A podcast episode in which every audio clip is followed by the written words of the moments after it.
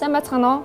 Classic MJL подкастын маань энэ удаагийн дугаарт Монгол Улсын консерваторийн цөөхөл хөгжмийн нэгдлийн эрхлэгч төгөлдөр хуурч намчингийн мөнх туяа Монгол Улсын консерваторийн мэрэгжлийн төгөлдөр хуурын техникийн багш төгөлдөр хуурч Самбил Норвын од гэрэл нар маань оролцож байна. За ингээд энэ удаагийн дугаарт маань өргөдөж ирж миний урилгыг хүлээн авч ирсэн та хоёртаа маш их баярлалаа. За энэ удаагийн дугаар маань юугаараа онцлог вэ гэхээр би яг юу гэлөө зорж асуухыг хүсэж байгаа вэ гэхээр аа мөхтөө ягшийн хувьд бол Германд Хамбургт төгссөн байгаа тийм хин одгэл багшийн хувьд болохоор Италид суралцсан ингээ хоёр өөр Европ мөртөө хоёр өөр газрын сургалтын дийг сургалтын системийн талаар илүү сонирхож асуухыг зорж байгаа. А дээрэс нь мөн сонгодог урлагийн талаар өөрсдийнх нь бодол хэлий гэж боддог бүх зүйлээс яриулъя гэсэн тийм зорилготой энэ удаагийн дугаарыг эхлүүлж байна. За ингээд та хоёр маань мэдхгүй байгаа үзэгчдэд зориулаад өөрсдөө товчхон танилцуулбал. За түрүү хэлсэн те намайг намчгийн мөхц ягдаг. Би бол 2011 оноос хойш Монгол Улсын консерватор мэрэгжлийн төгөлдрийн багш мөн цөөхөл хөгжмийн багшаар ажиллаж байгаа сурсан сургуулаа. За аа би 1998 онд хөгжим бүжгийн коллежид төгсөжсэн. Аа тэгээд э, сурч төгсөөд бас сургуульда хэсэг ажиллаж байгаад 2000 онд Герман явсан. Тэгээ Герман яваад эхлээд Штутгартын хөгжмийн их сургуульд шалгалт өгөөд дараа нь бас Хамбургийн хөгжмийн их сургуульд шалгалт өгөөд тэнцээд Тэгээд 2001 оноос хойш 2007 он хүртэл суралцж төгссөн. Ам би хөгжим мужиг сураад 2 дугаар курсээ төгсө 3 дугаар курс ордог жилээ Итали руу явсан.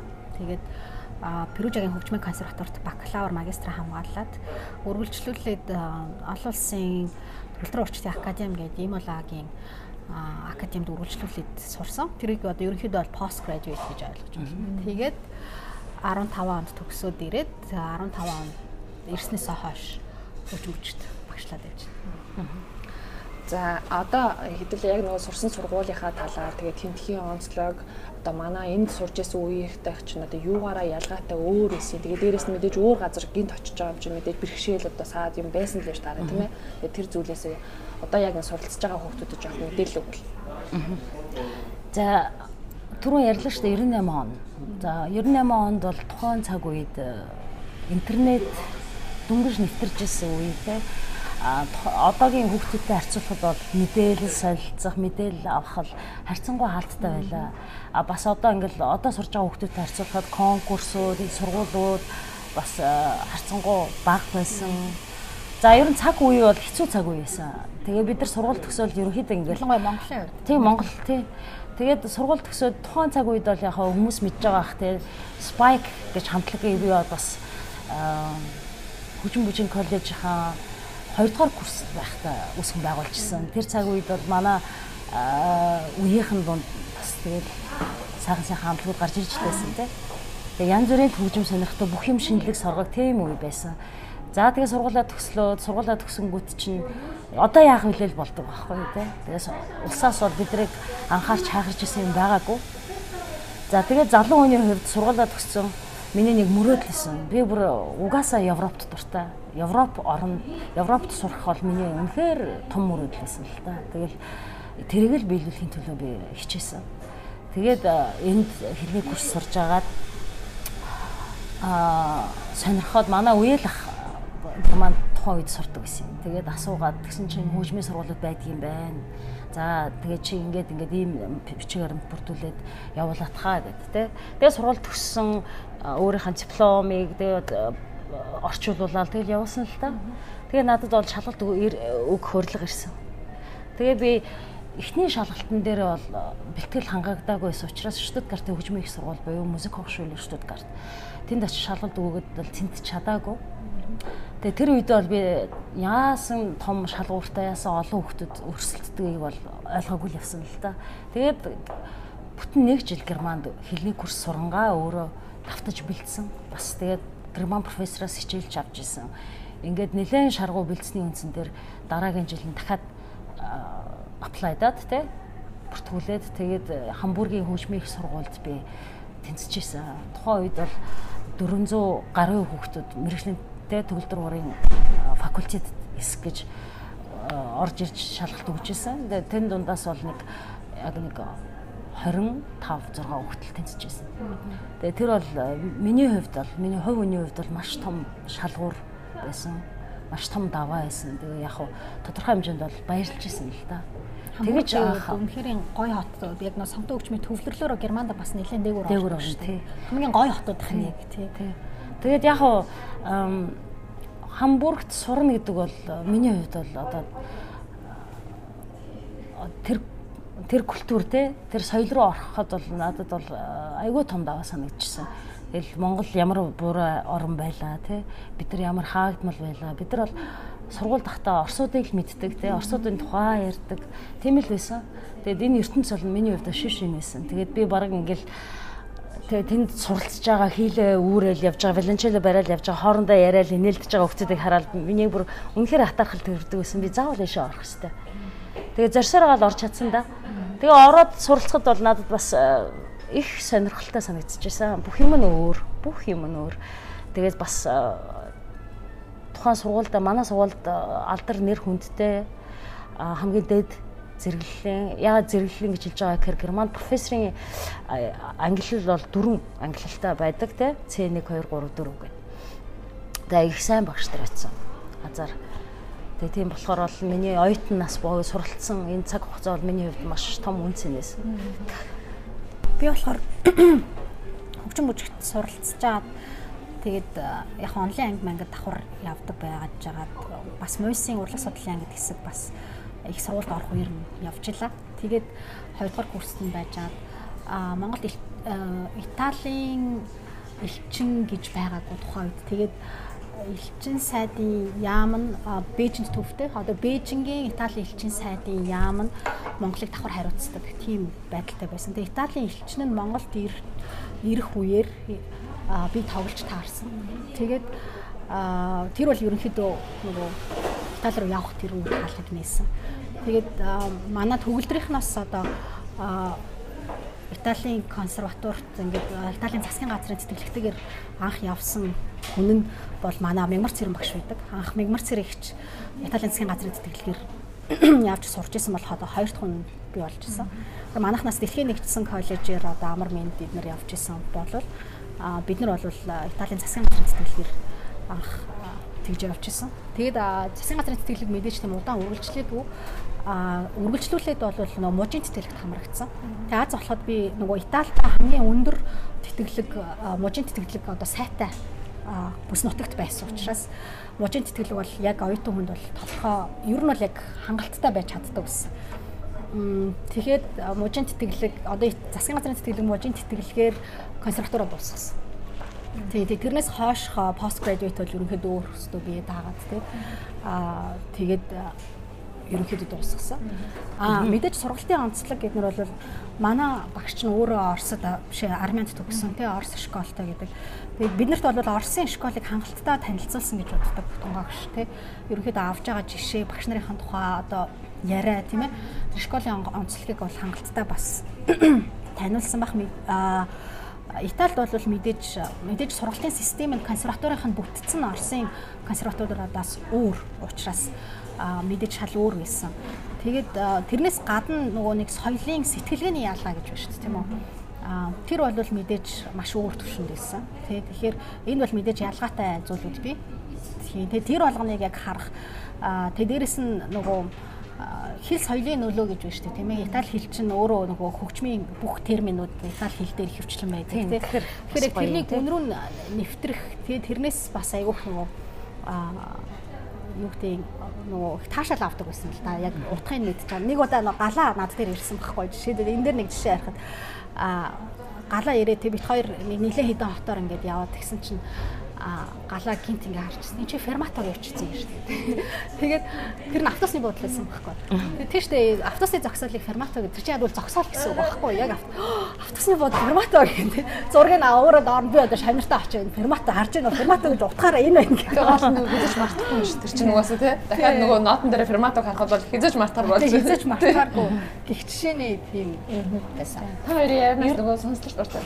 Юу яхад нөгөө одоо жишээлбэл дуулдаг байлаа гэж тэгж шүү дээ хамтлагт байлаа одоо та жишээлбэл хөгжмийн онлоор одоо судлаачаар суралцж байсан гэж ярьж байгаа. Тэгвэл яагаад яг мэрэгжлийн хөгжимч яг мэрэгжлийн пианист болох гээд ингээд энэ замаа ингээд сонгосон? юм Би жишээлбэл өөрөө ч гэсэн би ялгаагүй яг одоо шилжилтийн насны дээр нэг одоо ч хүүхдүүдэд тийм үе байгаа ахгүй тийм. Тийм би бүр металл хамтлагийн дуучин байлаа. Монголын хамгийн эмэгтэй металл хамтлагийн дуучин байлаа. Тийм плей тайм дээр зуулаад зөндөл яг тэр нэг үзэх насандаа бол юм үзэд явж байсан. Гэхдээ яг хүний нөгөө амьдралын нэг сонголт байгаа шүү дээ. Яг би энэгээр явна. Энэ бол яг миний амьдрал яг бүр яг гол зориг одоо яг чиглэл бол инээ гэж сонгосон юм бол мэдээж яг одоогийн юм баг. Тэгэхээр та хоёрыг яг яагаад сонгосон юм? За тэрийг дахиад нөгөө нэг бүр хөгжим бүжигт байх үеэсээ ярих гал юм л да. За яг хөгжим бүжигт бид нар ингээл сонгогдоод авьяас төгтөд ордог.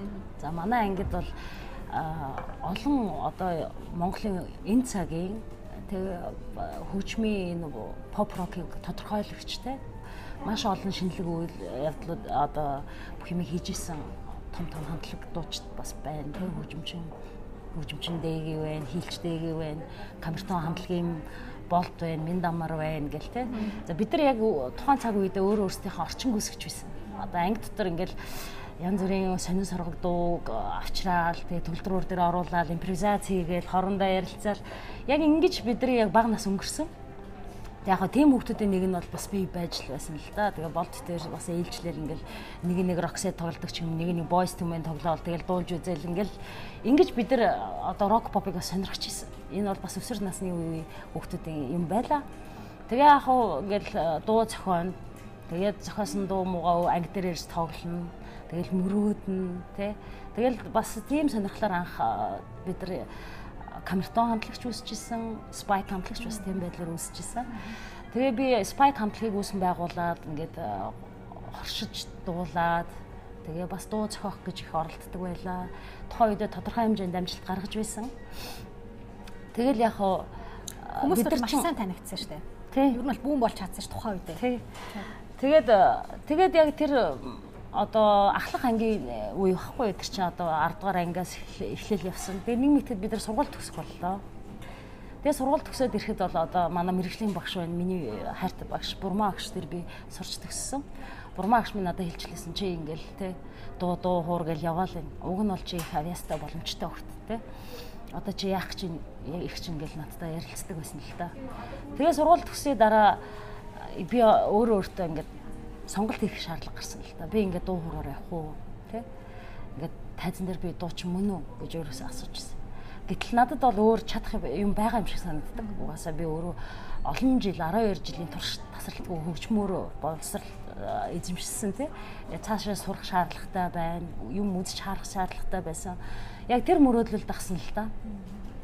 А гэхдээ яг одоо ч гэсэн би хөгжим зохиох сонирхол хэвээрээ байдаг. Зарим зохиодог ишний ил гаргадаг ч гэсэн тий. Тэр сонирхлууд бол байна. А хөгжим бол зөвхөн сонгодог хөгжмөр хязгаарлагдаагүй. Миний хувьд бол би тухайн жоохон бахтаа соул тий. Поп тэгэл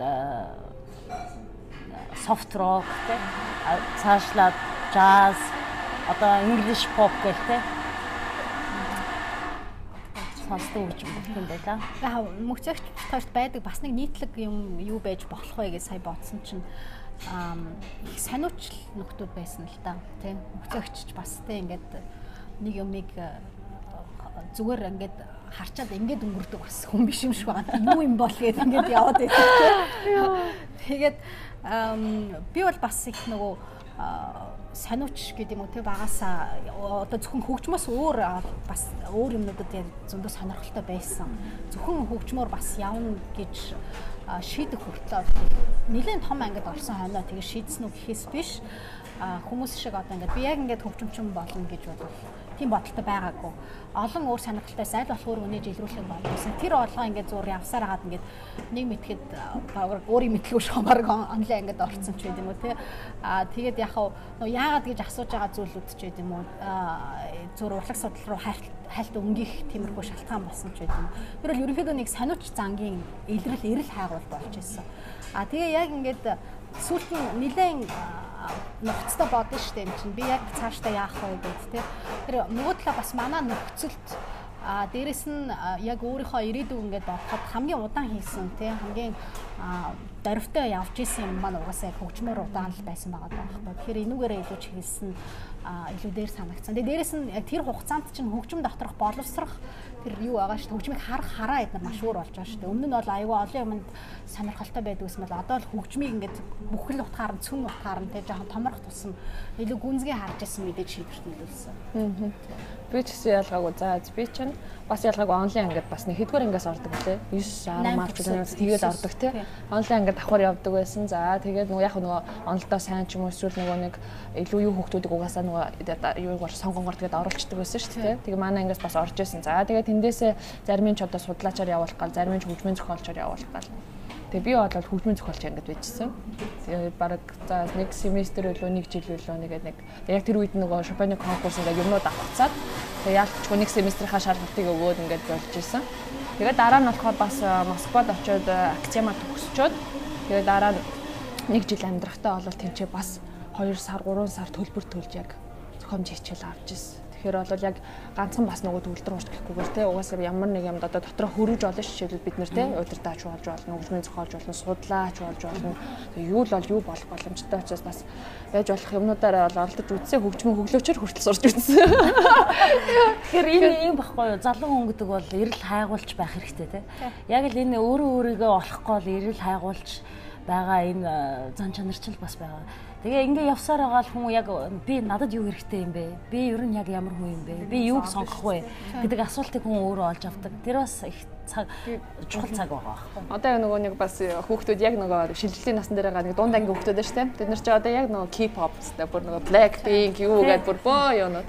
Тэгээ одоо яг нөгөө бас нөгөө ингээл бүр дуулмаар санагдал, бүжгэлмээр санагдал тийм. Тэгэхээр ялгаагүй бид нар ч гэсэн бүгдээнд нь тийм юм байсан. Бид нар яг зүгээр 6 настайгаас эхлээл яг ингээл мэржлийн пианист болно гэд одоо ингээд багшилж байгаа хүмүүс ерөөсөө биш ээ. Бүгдээрэнд нь яг адилхан тийм үе байсан. Яг л яг анзаараад байхад ихэвчлэн ангид яг тэгэж анзаардаг те. Яг тэр үед ингээл бүгдээрээ ингээл дуулмаар юм тэнд ингээл юу. ч бүр жишээл бага анги бүр бага ангитай бүжгийн авлагтай. Одод бот болгосон мөсөнд ороод хоёрдугаар байр байранд орчихсон. Намайг чи манай шавнар ингээл асуу айгүйх олон тохиолдолд тэгдэг байхгүй. Багшаа таны клипийг үзсэн ингээл. Багшаа чи минийх олныг чи үзсэн ингээл. Тэгдэг те. Чи минийх олныг би босон бодонгот чинь ингээл Тэ? Усан дээр хөвтөл дуулаад таныг яг өөрөө чинь үг аяа штэ тийм үү. Тэгэхээр бас айгүй тэр яг нөө залуу насны юу гэдэг дэврүүн тэ тэр бүх юу ингээд тэр дунд нэг шингэсэн юм шиг харагддаг байхгүй тэр мөрөөдөж байгаа тий. Тэр дууг би их мөрөөдөж хийсэн л дээ. Тэгэл нэг тийм гоё хэмнэлтэй. Тэгээ тэр яг тухайн цаг үед бол яг R&B гэдэг урсгал хүчтэй орж ирж исэн. Бид нар тэрэнд их дурлж исэн. Тэгээ R&B стилээр нэг дуу хийчихье гэж бодоод. Тэгээ яг хаа үгийг ингээл өөрөө бодож исэн аа. Биччихгүй юу? Тэгээ биччихэл өөрөө аялгаугаа захиачвал нөгөө аранжиров шиг халуу ахтай хамт чугуу гэдэг студ байдаг байлаа шүү дээ. Тэнд бичээ суужсэн манай ангийн найз камертаны болт тэрээс ярихал бололд орж ирэл. Чи энэ үгээ өөрөө ütсэн юм уу? Тэг ингээд оо гэ. чи яаж ицсэн гэл гүй яах та би чинь ингээл биччихлээ гэл тэгсэн чинь мань бас тухайн үедээ манай болт чи их шооч штэ тий. Аа манай туяа ингээ цонхны дор зогсоол гинэт мөрөөдөл нэг гой залууг мөрөөдөл читэр би чамда таралтлаа. Ингээл бичиж ийн гэл тий. Тэгээд тухайн үед тэр санаанаас гардгүй юм. Тэгсэн явж явж энэ дуу маань одоо хүртэл тасрахгүй яваад одооны хамтлаг дууч дуулаад шинжлээд ингээд сонирхоод хүүхдүүд сонсдог дууны нэг болсон би одоо үнэхэр бахархалтай баяртай байдаг шүү. Та хоёр юунда Хамбургтээ тэгээд Италид хэр удсан бilé хэр хугацаанд тэнцэнэ суралцаж тэгээд амьдэрсэн бilé 6 жил би бол яг Хамбург сурсан. Штутгартт байсан нэг жилдээ нэлэх юм бол 7 жил юм биш үү? 2000 онд би Штутгартт байсан. Тэгээд 2001 оноос эхэлж миний нөгөө сургалт эхэлсэн. Тэгээд тий 7 жил нийтдээ Германд байсан хугацаа бол 7 жил. А тэгвэл тэнцээ нөгөө нэг очоод юу нөгөө үлдээд ягаад нөгөө ажиллаж болоогүй жишээлбэл үлдээд ягаад амьдарч болоогүй ягаад наашаа ирэх болсон ягаад энэ сонголтыг хийх болсон. За энэ бол нэг Монгол хүнд байдаг нэг чанар л гэж би бодоод байна л да. Бид нарт надад бол үлдээд өшөө өргөжлүүлж суралцаад те аа тэгээ тэнцээний ажиллах боломж бол байсан уу гэвэл байсан. А яг тэр яагаад би тийж хэлж байгаа вэ гэхээр яг надтай зэрэгч сурж исэн. Яг надтай ижил төвшний байсан үе зэрэгцэж явсан тий мөр зэрэгцэж сурж исэн оюутнууд бол одоо яг миний найз нөхөд тэнд хамбургийн хөгжмийн их сургууль багшлаад явж лээ л да. А тэгээд надад бол ямар бодол байсан бэ гэхээр би ерөөдөө хийх ёстой юм а хийгээ сурах ёстой юм а сурчаад их орон руугаа л буцмаар байсан. Бүр яаран яаран бодож бодож яаран яаран л ирсэн л тээ. Тий. Надад бол их орондоо байх, ажиллах, ээж авахын хажууд байх. Тэгээд сурсан юмаас өөрөө хэрэгжүүлэхэр санагдсан. Тэгээ манай багш бас надад хэлчихсэн. Төсөлтийн концертны дараа бид нэр хамт зугаа ярьж байгаа. Тэ? Чи бол юм сурсан. Тэ? Чи энэ сурсан юм бол чамааг бол би бүр найдартай яг итгэж чинь чи их орондоо бол бас очиод тодорхой хэмжээнд өөрчлөлтүүдийг хийж чадна. Би бол тэрэнд итгэж чинь гэж надад яг хэлчихсэн. Тэр үгийг би бол хэзэж мартдаггүй.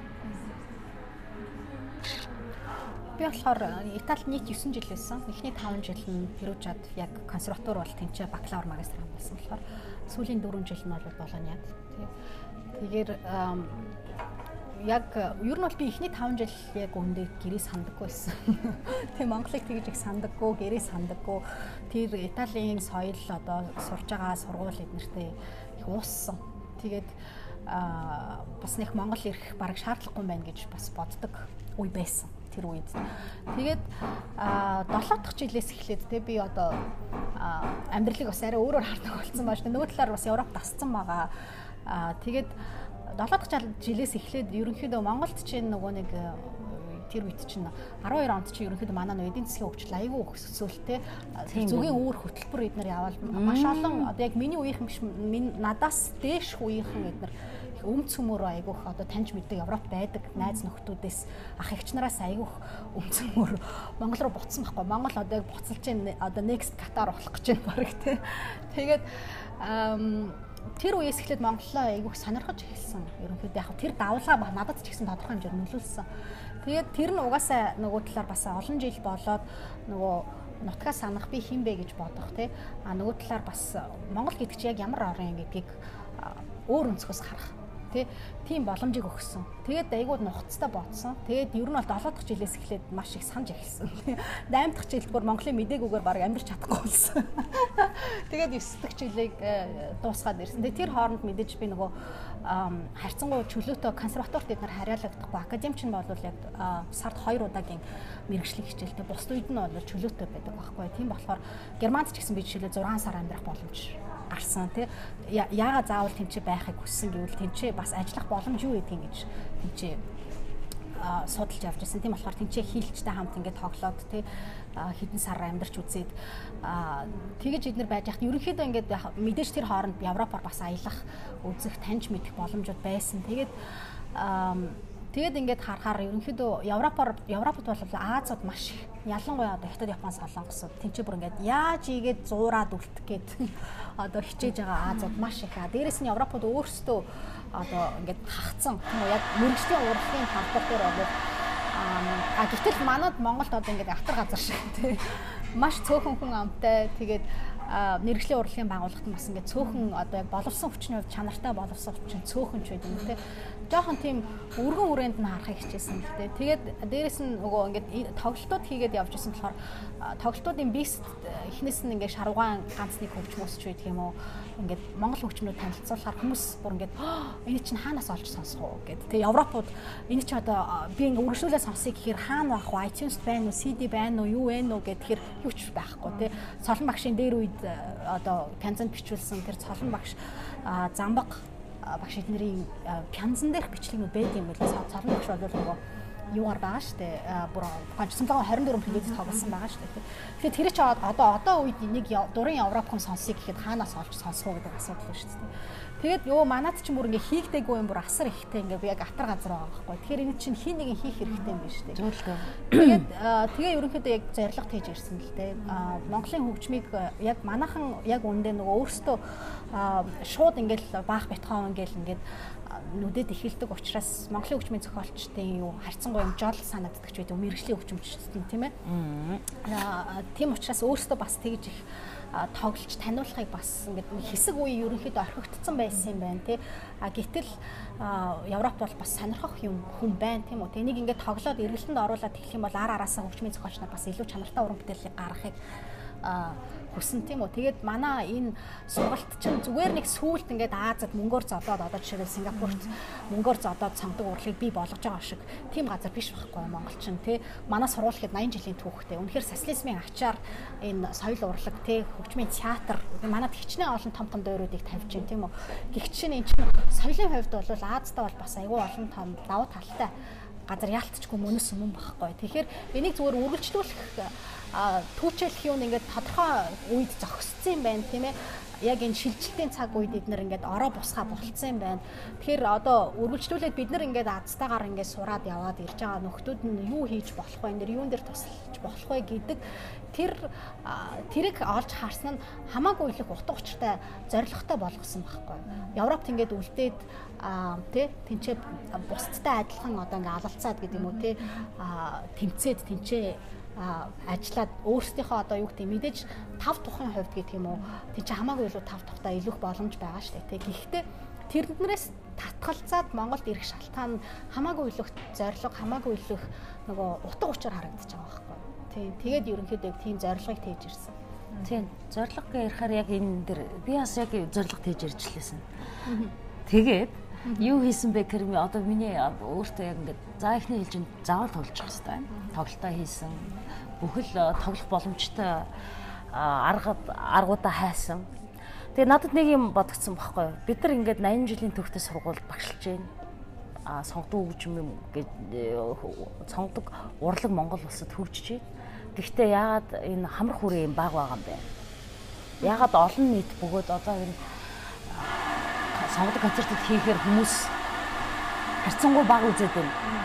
Энийний төлөө бид нар юу хийж болох вэ гэдэг бодол надад дандаа орж ичсэн л та. Тэгээд ирээд нэг хэсэг хүмүүстэй ярьж явж байгаа сүлдээ бид нар бас ингээд хэсэг хугацаа өнгөрлөө бас эмхтэй хүүхд гаргалаа гэл ингээл явж идэл бас ингээд надтай мөр зэрэгцээд араараасаа төгсөж ирсэн залуу уран бүтээлч тэрлээ. Тэгээ бид нар Монголын мэрэгжлийн хөгжмийн холбоо гэж байгууллага байгуулсан юм.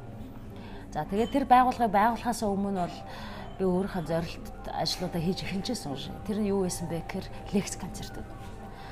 Тэгээд э, түрүүний хэлсэн те э, яагаад ингэж сонгодог хөгжмийг сонирхчд юм баг байна. Энэ бол боловсралтай холбоотой. Хөгжмийн боловсралтай холбоотой. Тэгэхээр манай хөгжмийн боловсрал бол бас яг тэр хэмжээнд хүүхдүүдийг хөглөж те олгож чадахгүй байна гэж бодоод ингээд сургуулиудаар бид нар лекц концерт зохион байгуулдаг гэсэн. Энийг бол олон жил хийсэн. Манай Монголын мэрэгжлийн хөгжмийн холбооноос зохион байгуулаад төсөл хөтөлбөр хэрэгжүүлж илаа. Сүүлд нь урлагийн зөвлөлтөө хамтраад хийж байлаа. Бас нэг авууштай бөгөөд бидний хувьд айгүй том амжилт юу исэн бэ гэхээр Швейцар хөгжлийн агентлагаас бид нар төсөл авч чадсан. Төсөл бичээд шалгараад гарч ирсэн. А тэр төслийн хүрээнд бид нар юу хийсэн бэ гэхээр одоогийн энэ цаг үед тэг мэрэгжлийн уран бүтээлчд юу бодож юу хийж явж явдаг бид нар хамтдаа юу хийж чадах вэ гэдэг сэдвээр хөндөж бид нар баримтат кино хийсэн. За тэр маань одоохондоо бол олон нийтэд бол хүртэл болж арай л амжаагүй байгаа тийм. Гэхдээ энэ бол олон хүний оролцоотойгоор бүтсэн бас нэг сайхан уран бүтээл байгаад байгаа. Мэдэрхүү. Тийм. Өчнө олон жил ингээд Европт байчлаа тий суурчлаа, амьдарчлаа. За тэгэнгүүтээ нөгөө буцаад ингээд олон жилийн дараа эх орондоо ирж байгаа шүү дээ. За тэгээд тэр анхны сэтгэл дээрээс нөгөө амьдрах орчин, дээрээс нөгөө ажлын орчин ямар шүү үлээж авсан. Тэгээд та хоёр яг тэр нөгөө тэр үед байсан сэтгэлээ та эхэлж ирсэн шүү. 11 онд. 11 онд. Тий 11 онд ямар байсан бэ гэхээр яг буцаад буцаад эх орондоо ирэхэд бол хүн юм болгон дээр л их тэм сэтгэлийн хөөрөлтэй байд юм байна лээ. Би өөрөө угаасаа нэг тиймэрхүү өдрлийн хүн. За тэгэнгүүт ингээл бараг л ингээл юм ярихаар юм бол уйлчих гал тий. Нэг тийм сайхан байгаа байхгүй юу? Тэгээ төрлөх сургуультай ажиллах гадаа эргээд ирлээ. Ер нь бол э, нэх их юм өөрчлөгдөг байсан л да. Багш нар маань ч бүгдээрээ ажилтгаараа ажиллаад систем бүх бүх юм хийвэн. Тэгээ надад юу гэж бодсоо бодсон бэ гэхээр э, би бол бүх юмыг дандаа одоо өөрийнхөө байсан газарт харьцуулж бодсон. Германд яах байсан бэ? Германд ямар байсан бэ? Бид нар юу ёстой вэ? Ингээ бодонгод ер нь маш олон юм тодорхой байсан л та. Тэгэл би хамгийн түрүүнд эхлээл багштайгаа уулзаал те бурмаагштайгаа уулзаал тэгэл ярилцаал манай багш бол намайг ер нь их сайн ойлгоно. Юу ярихыг ч баг мэднэ те. А тэгээ би дэд захиралтай очиж уулзчихсан. Багшаа бид нар яагаад ингэж ажиллаж болохгүй юм бэ? Ийм юм юмнууд байна. Ийм юм системүүд байна бид нар хүүхдүүдийн техник техникийн хөгжил болоод ур чадрын дээр нь иймэрхүү юм дээр анхаарах юм биш үү биш. Санал солилцоол. Ер нь тэгэл их л олон санал хилдэг байла. А тэгээд яг хөө тэрий чинь авахын аав нь авахгүйг нь авахгүй. Тэгээ авахгүй талдаа ер нь бол. Тэгээ ажиллага орцсон маань хуучинсаг байсан. Хിവэрэ байсан. Тэгээ надад бол юу гэж бодогддог байсан бэ гэхээр манайх ер нь бол системийн өөрчлөлт бол заашгүй их шаардлагатай байсан юм байна да. Тэгээд системийн өөрчлөлт тэгээд тухайн хүн хүүхэд болгон онцлогтой, авиас чадвар өөр, багш нар бас онцлогтой тий. Тэгэхээр уян хатан систем байж ээж тухайн хүүхэд чинь өөрөө өөрийнхөө чөлөөтэй хөгжих боломжтой. Тэрэн дээр л манайх надад бол жоохон учир дутагдaltaй санагдсан. Ерөнхий тэр 60 70 80 жилийн өмнө тавьсан суураараа л яг ингээд явж идэг те. А гэтэл цаг хугацаатайгаа уялдуулаад энэ бүх юм өөрчлөгдөж те. Өшөө сайжрах шаардлага байна биднэрт хөгжих шаардлага байна. А энэ талаасаа бол надад бол тухайн үед болоод одоо ч гэсэн шимжилттэй санагдах тохиолдлууд бол байдаг л да а бас сайн юмнууд байна гарч ирж байгаа сайн сайхан юмнууд бол байна бид нар бол яг үнэ хэлэхэд манай консерваторийн багш нар хүчээ шавхаж ажилладаг чадлаараа энэ орчин нөхцөлд те хүчээ шахаж ажиллаж байна. Одоо дээрэс нэг үе бодоход зөвхөн нэг газрын төгсөгчд биш маш олон газрын төгсөгчд ирээд олон газраас бид нэр суралцах тэр юмнаас өөрсдийнхөө юмдаа шингээх боломжтой болж байгаа гэж бол харж байгаа. Урд нь бол зөвхөн одоо зөвлөлт холбоот бас одоо жишээл те. Тэгээд ч одоо ингээл Армениад бүгдээр ингээд орчин Киев, Украин ингээл бүгдээр орчин яг зөвхөн одоо энэ ерөнхийдөө зөвлөлт холбоод өөр нэршилтэй боловч тэр чинь ерөнхийдөө байна Орос школ болчихж байгаа шүү дээ. Тэгэхээр одоо бол хаа Герман байна, Итали байна, Польш байна шүлэл тий. Тэгээд ингээд хаа сайг үнээс ингээд Испани гэ тий. Америк. Америк тий. Чех, Франц, Франц. бүр ингээд хангалттай бид нар тэр сурсан мэдснээс нь өөрсөндөө баг багаар шингээх тий. Одоо нэмээ мэдээж нэг өдөр л ингээд бүх юм сайхан болохгүй тодорхой л доо. Тэгэхээр баг багаар ядаж өөрчлөлт хийх бүр харцсангуу тэгээд дээрэс нь маш олон идэвхтэй тийм эрчтэй юм хийх бүтээх хүсэлтэй тийм залуу багш нар одоо хамаагүй их хэрцэн учраас нийлээд бас юм хийвэл бас өөрчлөлт гарах болов гэж харж байгаа. Тэг би 15 оны 11 сард одоо консерваторт багшаар орсон байхгүй. Тэгээд орохдоо би ахав нөгөө нэг түрүүн хэлжсэнээр зориг тээж ирсэн учраас ерөнхийдөө цагаа яаж зохицуулах вэ гэдэг юм уу те. А нөгөө талаар мэдээж улсын байгууллагын ачаалал те а мөн санхүүгийн боломж эднэрийг бүгдээрийн тодорхой хэмжээнд мэдчихсэн учраас те а яг тэр байр суурин дээр би өөрийн өөрийн гэсэн тодорхой байр суурьт орж ирэх хэрэгтэй юм байна гэд орж ирсэн л дээ. Тэгээд би эхлээд ерөөсөө би цагийн байх шаардлагатай байна. Тэгээд би ингээд шууд ингээд үндсэн багшаар бай байна гэж зүтгэхгүй яагаад гэвэл би ингээд CD э, бичүүлэх хэрэгтэй байгаа. Миний эхний зорилго бол энэ Монголд ирээд одоо хий гэж байгаа те. Яг энэ хий гэж байгаа тэр одоо ирч хүч байгаа дээр л хийсэн зүг байдаг шүү дээ. Тэ ерөнхийдөө тийм учраас би CD-нэр илүү хүч зарцуулнаа. Тэгээд аа энэ дээр бас би хэрэг хугацаа орохыг мэдэхгүй. Тэр чинь би анх удаага хийх гэж байгаа зүйл те. Айгүй олон зүйлүүдийг шинээр таньж мэдчихсэн учраас тэгэхээр э, хөгжим бүжиг одоо яг манай багш ч байдаг юм уу яг эргэн тойрны хамаар тийм амархан шууд хүлээж ойлгоогүй. А мэдээж дэмжижсэн. Гэхдээ яг цаана бол ойлгоогүй. Тий Тэгэхээр юу вэ гэхээр одоо манад хөгжим бүжигт орж ирж байгаа бол ингээд шат дарааллын дагуу тий ном ёсны дагуу ингээд явах хэвээр процедурын дагуу гэдэг шиг тий хаа ихвчлэн тийм үзэл бодолтой. Гэтэл нэг хүн би өөрийн гэсэн юм зорилготой би ийм одоо юм хийх гэж байна. Тэгээд энэ дээр ингээд одоо та нарт бас ингээд намайг дэмжих тийм тий хамтран одоо энийг ингээд ойлголцох боломж байна уу гэсэн санал тавьж байгаа хэрэг байхгүй тий. Тухайн үед бол тийм хангалттай ойлгогдоогүй гэж би хардаг олон жишээнүүдийг дурдж болно. А гэхдээ дараад нь ингээд нөө юм хийсний дараа тийм аа энэ хүн чинь ийм юм хийгэх гэж зүтгээд исэн байх шүү дээ. Өөрөөр ойлголтыг а дараад нь нэлээд сүулт нь нэлээд сүулт нь ойлгосон байхгүй юм гэдэг. Тий тэгээд яг тэрэн дээр таны хэлдэг одоо нөө цаг үе өөрчлөгдөж байна тийм үү? Манад бас уян хатан байх шаардлага байна тий. А хүн уран бүтээл хийгээд багш нь гэдэг чинь өөрөө маш хинэрэг маш их бас нөгөө судалгаа шаардсан ажил тийм үү? Тэгэхээр багш өөрөө байнгын боловсрж явах шаардлагатай байдаг. Тэгэхээр чи эн чинь өөрөө багш гэдэг үе чинь өөр маш их цагийг авчиж байгаа байхгүй тий. А тэгэхээр уран бүтээлч гэдэг чинь өөрөө илүү бүтээлч байх, өөрөө өөрийгөө сонсох тийм үү. Гэгчний бас нэг өөр төрлийн бас маш их цаг авдаг үйл ажиллагаа тийм үү. Тэгэхээр энэ хоёрыг хослуулахын тулд өнөөдрийн байгаа залуу өөрөө маш ухаалаг байгаад цагийн маш мундаг менежменттэй байгаад цаг үеэ маш сайн мэдрээд гэх юм уу тий. А тэгээд ёстой нөгөө хүлэн зөвшөөрөхгүй ойлгохгүй байгаа нөхцөлд нь одоо өөрийнхөө шаардлагыг тулгах үед нь тулгаад хүмүүс нь хүлээж авахгүй байсан ч гэсэн одоо хохирох үедээ хохироод гэх юм уу тий. Тэгж явхаас өөр аргагүй тийм л нөхцөл байдал байна л да. Откогийн яг яран дээр нэмж ярихад энэ уян хатан систем яг энэ урлагийн боловсрал дээр мэрэгжлийн хөгжмийн боловсрал дээр яагаад чухал вэ гэдэг дээр ярил л та. Яагаад энэ маш чухал юм бэ? За бидэрт бол хатуу систем байсан тийм. Тэр нь бол маш шахуу, шаардлага өндөртэй. Одоо манай хүүхдүүд бол жилд 6 шалгалт өгдөг тийм ээ. Бидрийг сурж байгаа үед тийм байсан одоо ч гэсэн тийм байна. За манад бол сургууль, тэ дунд сургууль, коллеж тэгээд манад бол бакалавр, магистр гэсэн бүх сургалтууд явагдаж байгаа тийм ээ. За Германы их сургуульд ямар байсан бэ? За Германд бол мэдээж энэ хөгжмийн их сургуулиуд тэнцэхэд маш хэцүү. За тэнцсэний дараа бол харин жоохон өөр систем нь өөр. За бидний мэддэг Оросын системээс бол өөр л доо тийм чөлөөтэй.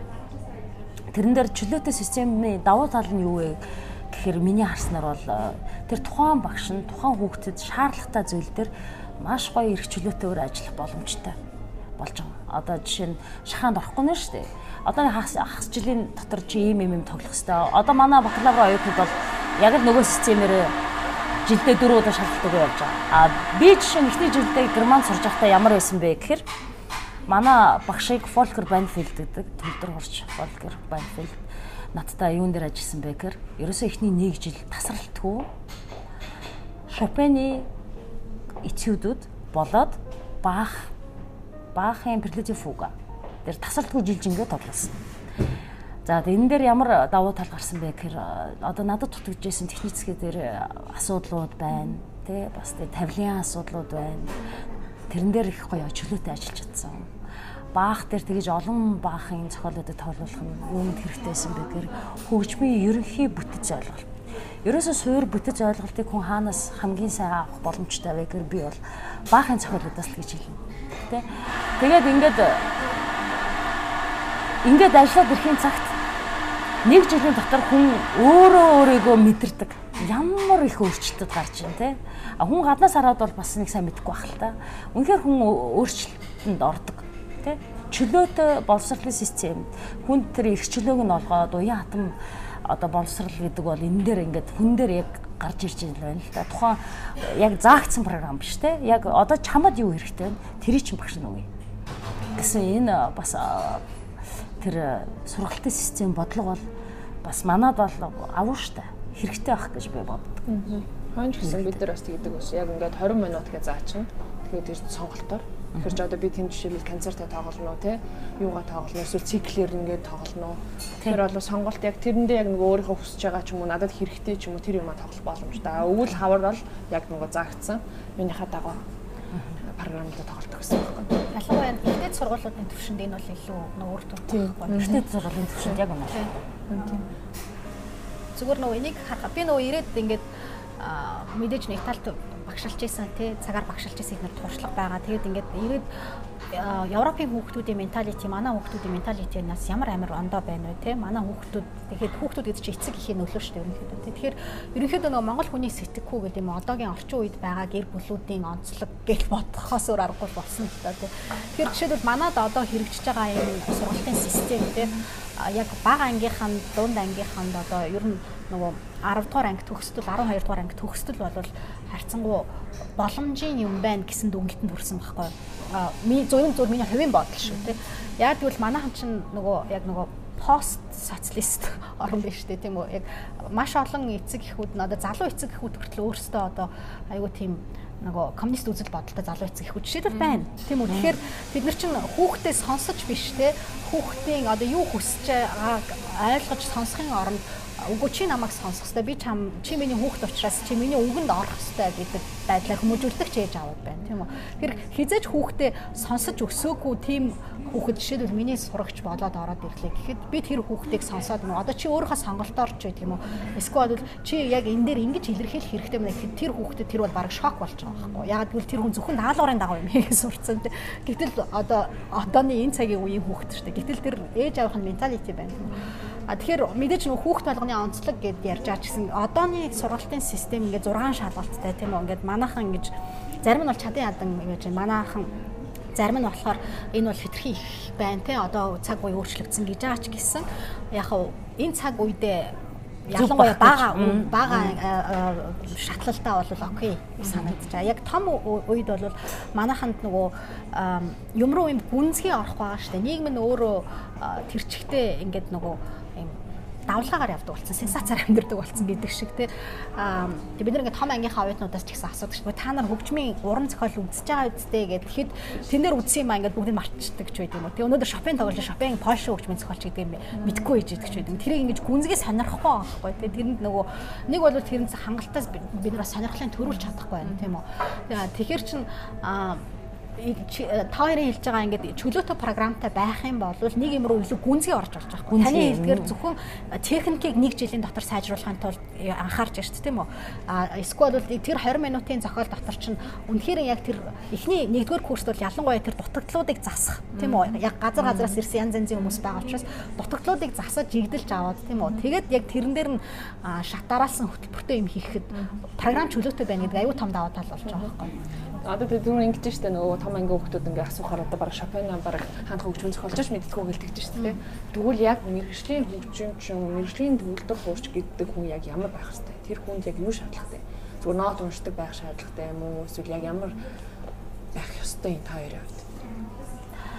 Өөрөө өөрийгөө үргэлж хөгжүүлдэг байх хэрэгтэй.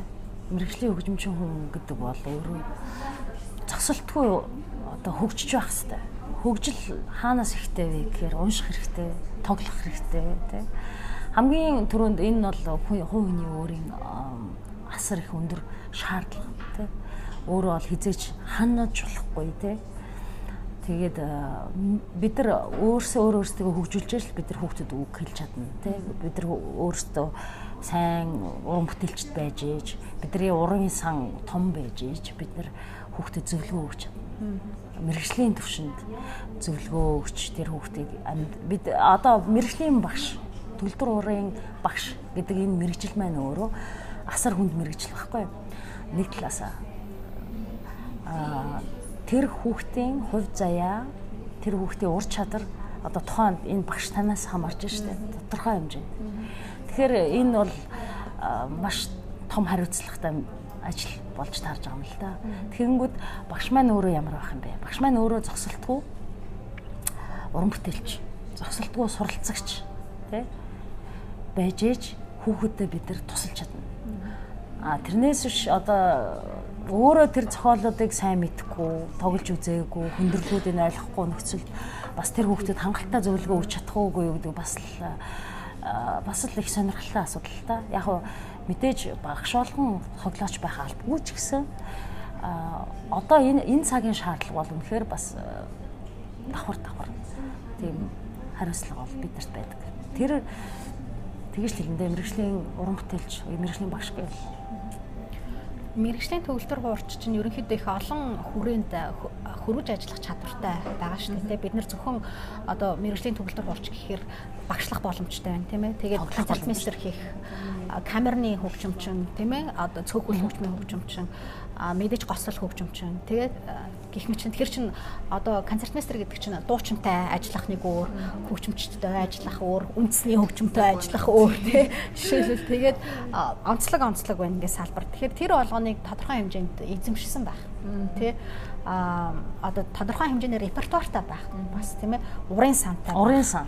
Дээрс нь хөрвөх чадвартай байх хэрэгтэй байна хөрвөх чадвартай. Одоо тэр ситуацид гэс одоо ингээ ороод ажиллах боломжтой тийм жишээлбэл тэгэхгүй бол одоо ингээ нөгөө сүулт сураад байдаг юм уу те одоо хөгжмийг сүулт сураад ингээ мэрэгжлийн болох гээд явж байгаа хүмүүс байдаг шүү дээ. Тэд нар чинь ингээ нөгөө багасаа явсан академик боловсролоос юутай юугаар ялгаатай харагдаад байна гэхээр жишээлбэл эсэлтэн унших чадвар айгүй мууч байт юм уу? Яг концерт мистер хийгээд хамсран хөгжимдөх гэхээр хөгжимчин нөгөө гоцлолон хөгжимчнийхаа химнэлт зэрэг явж чадахгүй байх жишээтэй ч байт юм уу. Тэгэхээр эн чинь уул нь бол яагаад ийм багаас нь авч сургаж байгаа гэхээр эн чинь академик боловсролт чинь ингээд шат шатандаа хүнд маш их өгж байгааг юм илэрлээ байгаа байхгүй. Тэгэхээр яг энэ бүх чадруудыг яг ингээд эзэмшсэн байх тий а эсэлтааг нь унш чаддаг байх тий дуучинтай нийлүүл дуучинд үгийн засаад өгчих тий. А дээрэс нь музикал нас дээр нь ажиллана шүү дээ тэгээд утга санаа амьсгаач байдаг юм уу тий. Тэгэхээр тэр чинь дуур мэддэг байх хэрэг гарч байна жишээлбэл тий. А хөгжимчдтэй ажиллахад одоо жишээлбэл би нөө 90 гутлаа ингээд үндэсний хөгжимчдтэй бас ингээд нийлээд ажиллахад надад бол үнэхээр шин сонирн байсан байхгүй. Гэтэ нөгөө талаар би яг нөгөө өөрийгөө пушсан. Юу гэдгийг би өөрөө нөгөө Монголын уран бүтээлийг тийм ээ таниулах хэрэгтэй юм байна гэж өөрөө зорж ирсэн тийм үү. Гэтэл би өөрөө монгол хөгжмөө сайн мэдхгүй яг үнэнтэй. Тэ яг хав зөвхөн төгөлдрөө урт зориулсан бүтээлүүдээ мэдчихэв үү гэхээс биш. Яг ардын хөгжмөө би сайн мэдхгүй, марин хуурын онцлогийг мэдхгүй тийм ээ. А яг тэр бүр ингээд тэр нарийн татлагнууд ч байдаг юм уу тийм. А тэгээ төгөлдөр ууртаа хоршоороо юун зохио, юун зохихгүй байгаа ганч мэддэггүй. Тэг ингээд нийлж үзчихэж олон хүмүүстэй нийлж үзчихэж ингээд аа энэ зохиол бол ийм бүтцтэй тийм ээ. Манайхан ийм төвшөнд бичиж байгаа юм байна хөгжмийн зохиолчд нь. Өнөөдөр Монгол зохиол, мэрэгжлийн зохиолуудыг ингэж бичиж байгаа юм байна. Аа хөгжмийн зэмсгийн хөгжлүүд нь ийм төвшөнд явж байгаа юм байна. Тэ манай одоо үндэсний хөгжимчин содон хөгжмийг бодоход хөгжмийн зэмсгүүд нь хөгжлийнхаа үе шатн дээр явж байгаа хөгжмүүд бас зөндөө байна шүү дээ. Гэх мэтчлэн ингээд нөгөө онцлогуудыг нь таньж байгаа надад өөр ингээд эргээд туршлага болж байгаа байхгүй тийм. Тэгэхээр а ингээд нөө талбар талбарт ерөнхийдөө мэрэгжлийн уран бүтээлч бол бас ажиллаж үзэх хэрэгтэй гэж харж байгаа. А миний хувьд болохоор яг юу гэхээр төгөлдөр хуурч нь одоо бусад хөгжмөөс ялгаатай юм бол даалттай хөгжим жишээлбэл тий. А бид нар яаж хөгжмөөр тоолоо гэсэн одоо жишээлбэл уцсан хөгжмөөр дуурах нэг өөр төгөлдөр хуурн дээр дуурах өөр жишээлбэл тий. А тэг гол хэцүү юм нь тэнд юу байгаа гэхээр тэр даалттай хөгжмийг яаж уцсан хөгжим шиг дуурах вэ? Яаж оркестр шиг дуурах вэ тий? Одоо хаан хөгжим гэдэг ягаад гэвэл чинь оркестрыг бүхэлдэн дуурах чадвартай учраас тэгж нэрлэдэг шүү тий. Тэгэхээр гол нь одоо нэг мэрэгжлийн тэгээ нарийн ингээд байгаа учир ч юм одоо жишээл тэнд гарна жишээл тий. Яа? Одоо жишээл би одоо зураач байлаа гэж бодоход би сургалтын системээр ингээд ерөнхий одоо юмнуудаар ингээд хар зургийг ингээд гаргаж сурдаг ч юм уу тий. Ингээд юу өдөр яадаг ингээд байгалийн зургийг яаж зурдаг, хөргийг яаж зурдаг ингээд одоо сургалтын системээр сурчин тийм ээ. А тэгсэн мөртлөө би яаж өнгө будаг гаргаж ямар юугаар явах нь стилээр одоо дахиад зурах нь жишээлбэл миний одоо яг өөрийн хувь хүн харагдсан жишээлбэл тий яг зураач дээр би бол яг тэрнтэй ижилхэн төсөөлөг яг хөгжимчин хүн бол бас яг л тийм урлаач. Тий Тэгээ дээрэс нь ганц зөвхөн хөгжим гэхээсээ илүү тэр хүнд байнгын давтал сургуульд шилтэй өдөр болгоны тогтмол. Одоо та бид ингээд та ингээд бодоход 20 30 жилийн амьдрал тий Тэгээ дуусаагүй дахиад тий Тэгэхээр энэ өдөр бүр ингээд тогтмол үргэлжлэн а тэгээ тэр үргэлжлсэн тэр механик систем дээр дахиад нэмээд бүр хөгжмөлөг байд юу хийх юм хөгжмийг одоо жинхэнэ нарийн хийхийн тулд тэрэн дээр хүний яг нөгөө мэрэгжлийн нарийн гэдэг ур чадвар юу харагддаг. Одоо бусад мэдээж хүмүүс ингээд сонирхлоороо сураад төгөлдрөөр тоглодог хүмүүс байдаг шүү дээ жишээл тий яг бид нар юу юугаараа ялгагдаад байгаа юм жишээлбэл яг бол бид нар тэр чинь өнгөний тал дээр хүн болгон жишээлбэл ингээл нэг одоо улаан гэдэг өнгө байлаа гэхэд ганцхан улаан өнгө байхгүй жишээл те. Хөгжмөн дээр ч гэсэн яг одоо ингээд зурагтай адилхан хөгжмийн өнгө ч гэсэн яг байдаг байхгүй те. Тэгээ тэрийг л гаргах өөр тий тэгэнгүүт тэрийг яхахын тулд одоо хүн хүний тоглож байгаа хөгжим жишээлбэл яг өөрөө уншигддаг байхгүй одоо тэр хүн. А тэгэх юм бол хүн мэдлэггүй ч юм уус одоо дутуу одоо боловсрсан. дээрээс нөгөө бас одоо уншихгүй юм ч одоо сэтгэхгүй л ээж таарч жишээл те. Тэгэхээр чин тэхгүй байх тусмаа мэрэгжлийн хөгжимч болоход бол ерөөхдөө хэцүү л гэж би нөгөө хүүхдүүдэд хэлэх гээд ахгүй яг бүх юм одоо ганцхан нот уушин те. Одоо сургалтын системээр ингээд програмнууд тоглоно репертуар өгсөн одоо техник мундаг техниктэй байна.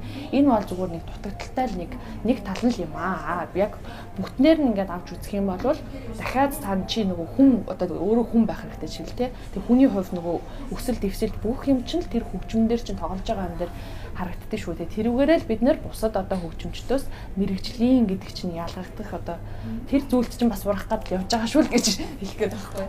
Дээрэс нь яг төгөлдөр хуур бол хитрхи их урын сантай шүү дээ. Нэг амьдрал хангалтгүй зүгээр зохиолнуудыг ядаж тоглож барыг нэг амьдрал. Хүний нэг амьдрал хангалтгүй. Дээрэс нь дахиад зохиогдож байгаа тэгэхээр чинь бид нар тий тэгэхээр анс дан төгөлдөр хуурын бүтээл тэл нэг юм те. Ашаа төгөлдөр хууртаа хамсраад маш их урын сан. Тэгэхээр нөгөө бид нэр ачаал нөгөө айгүй их бол явцдаг байхгүй те. Бид нар бүх хөгжмийн зэмсэг дээрэс нь оркестр бүгднийг мэддэг байх шаардлагатай. А бусад зарим хүмүүст бол тийм шаардлага жишээлбэл байх байх те. Бусад хөгжмөс бидний бүх концерт за яг концертын дээр хамт явна. А зүгээр яг соло номеруудыг бүгдийг мэдээ ч юм уу те тех шаардлага байхгүй. Дуучдаг жишээлбэл тех шаардлага байхгүй. Бид нэр бол бүгдэнд нь дандаа шаардлагатай. Тэгэд чиний ярьсан түрүүний яг хэлсэн яриад дээр чинь нэмэт хэлэхэд яг энэ чимхлүүр өнгө будаг те энэ дээр л хүний боловсрал буюу тэр сурсан мэдлэг, уурын ур чадвар, авиас билүү бүх юм л цогцолж гардаг тийм. Ингэж л энэ цогц одоо перфекционистууд гарч ирдэг тийм. Тэгээд уран бүтээлч. Аа тэгээд энэ болгоныга хүүхдэд хүргэн гэдэг бас нэг том ажил тийм ээ. За одоо ингээд бодохоор яг тэр 20 30 жилийн ингээд амьдрал чинь ингээд явчлаа гэж ярьж штэ яг энэ үндэ бүр ингээд үнэж байгаа. Гэхдээ тэг яагаад вэ? Одоо ингээд бодоход зарим хүмүүс бас гайхчихлаа тий. Бараг ингээд дуулаад явж исэн бол энэ чинь бүр шал өөр амьдрал штэ тий. Одоо ингээд камертон найзуудаараа харалта, дээгээ харалта Ягаад эдгээр шиг ингээд энэ юугаа сонгоод явж вэ? Ягаад ингээд нөгөө юуны тал дээр ч одоо амьдрах боломжийн хувьд ажиллах юу боломжийн хувьд ч гэсэн тийм хангалуун биш ч хэрэг тийм үү? Тийм юмыг ягаад ингээд сонгоо тэрэндээ үнэнч байгаа. Дээрээс нь зүгээр ахгүй ингээд өчнөө юм хийгээд те. Ягаад тийм байгаа? Тэрнийхээ талаар За наа чи өстой сонирхолтой бөгөөд жоохон ярихтай асуулт асуулт байна те. Яагаад? За хөгжим бол хязгааргүй. Бүхэл хөгжмийн төрөл бол сайхан жаз хөгжмийг би бас их сонсдог. Надад нэг хин тэнэр гэд цохоод байхад бол бас э, юу вэ те а хөгжимд дурлах сэтгэл те тухайн хөгжмийг сонсох сонирхол гэдэг бол баг одоо би өөрийнхаараа өөрийнхөө зүгээс л яриа. Надад бол хүн дурлж байгаатай ялгаагүй гэдэг. Жишээ. Би одоо ямар нэгэн дууг сонгомол сонсохороо бүр тэрийг хэдэн сараар ч сонсч чадна. Мөхөн хатан сонсч чадна. Деталаар нь те яг тийм Тэнгүүд э, сонгодог урлаг гэж орж ирж байна тий. За сонгодог урлаг бол би багаас сонгодог урлагаар хүмүүжээд өсөөд сонсоод ингээ өссөн байна. Яагаад сонгодог урлагийг илүү одоо би сонголтоо хийгээд явж байгаа. Энэ бол одоо нэг мүлжүүртэй гэдэг шиг хизээч дуусшгүй. Тэ а сонсогч хүний зүгээс ингээ ярихад бол хөгжим хөгжим дотор цаг урсгалаас хамаарат тухайн хизээ бичигдснээс хамаарат цар хүрээнээс хамаарат энэ бол энэ дотор сэтгэл хүний сэтгэлгээ байгаль тэ тэн дотор одоо хүний менталитет тэ соёл бүхэл юм явж байдаг. Одоо нэг э, зохиолыг авч үзье. За скрабны бүтээл гэдэг үзье тэ. Энэ дотор бол бүр би одоо жишээ нь зүгээр л нэг цохоод яри те. Нэг санаат юм яриа төлөвлөрөөр санаат. Тэр хөгжим дотор юу байдаг вэ гэхээр тэр хүний э, бүр космос байдаг байхгүй ертөнц. Дээрэс нь бурхан тэр дотор байдаг. Заримдаа скрайбны жишээ бүтээл дотор юу байдаг вэ гэхээр цөхрөл байдаг депресс. Депресс байдаг тий заримдаа бүр хамгийн нандин хайр хамгийн нандин мэдрэмж тэр дотор байдаг Тэгэхээр сонгодог урлаг бөгөөд энэ энэ хөгжмийн энэ ертөнц бол хязгааргүй. Илэрхийлэл бол дэндүү том илэрхийлэл. Одоо зарим хүмүүс ярьдаг л да сонгодог хөгжим хүн болгон сонгодог хөгжим ярих хүн болгон гоё гэнэ. Аа сонгодог хөгжим гоё. А гэхдээ яг сонирхол сонсож байгаа хүмүүс бол бас цөөхөн. Сонгодог хөгжим гоё штэ намайг тайвшруулдаг гэж хэлдэг. Надад тэгэж хариулж байгаа хүмүүсийг ботхоор жоохон уучлаарай гэж хэлмээр санагддаг байхгүй. Яагаад тайвшруулдаг. Яагаад тайвшруулна гэж те. Тайвшруулах гэж болж байна. Гэхдээ хөгжмийг сонсох процесс гэдэг бол хөв хамтдаа хөгжмөнтэй хамт хөврөн явах процесс. Бич би бол хэлнэ те. Тэрэн дээр та заавал юм бодоод ах чалдаггүй. Төсөөлөл чинь л хамт явж байвал те. Тэгэхээр хүн бод заавал төсөөллийг авна гэдэг бас их өөр те. А бусдаар яг төсөөлөл чинь хөврөө цаашаа явна гэдэг бас нэг өөр асуудал байна. А хөгжмийг сонсно гэд ярихаар хүмүүс заавал нэг юм тодорхой юм та энэ хөгжмөө сонсохоор юу төсөөлж байна гэдэг ч юм уу те. За энэ хөгжмөө сонсохоор танд байгаль төсөөлж гэдэг юм. Тэр бас их тийм маргаантай асуудал те. Би одоо жишээ нэг ямар нэгэн одоо Бетховен сонсонгуудаа би Баварыг төсөөлөх юм уу. Тиймэрхүү юм баймаргүй шүү дээ те. Заавал тэгэж бас бодож болохгүй. Ер нь бол одоо хүүхдүүдээс юу төсөөлж ийн гэж асуухаас хэцүү. Хөгжимтэй хамт тэр хүний сэтгэл зүйд юу ч болж иж болно. А одоо бидний сонсдог одоо сонирхож байгаа хөгжим юу вэ гэхээр ханашгүй. Зарим тохиол уучлаарай одоо заримдаа одоо би ингээд ингээд өөрөөр дээрээ л ярьж байна те би бол поп хөгжмийг маш хүчтэй сонирхдаг чинь нэг байсан. Заримдаа би бол ханах тохиол байдаг, уйдах тохиол байдаг.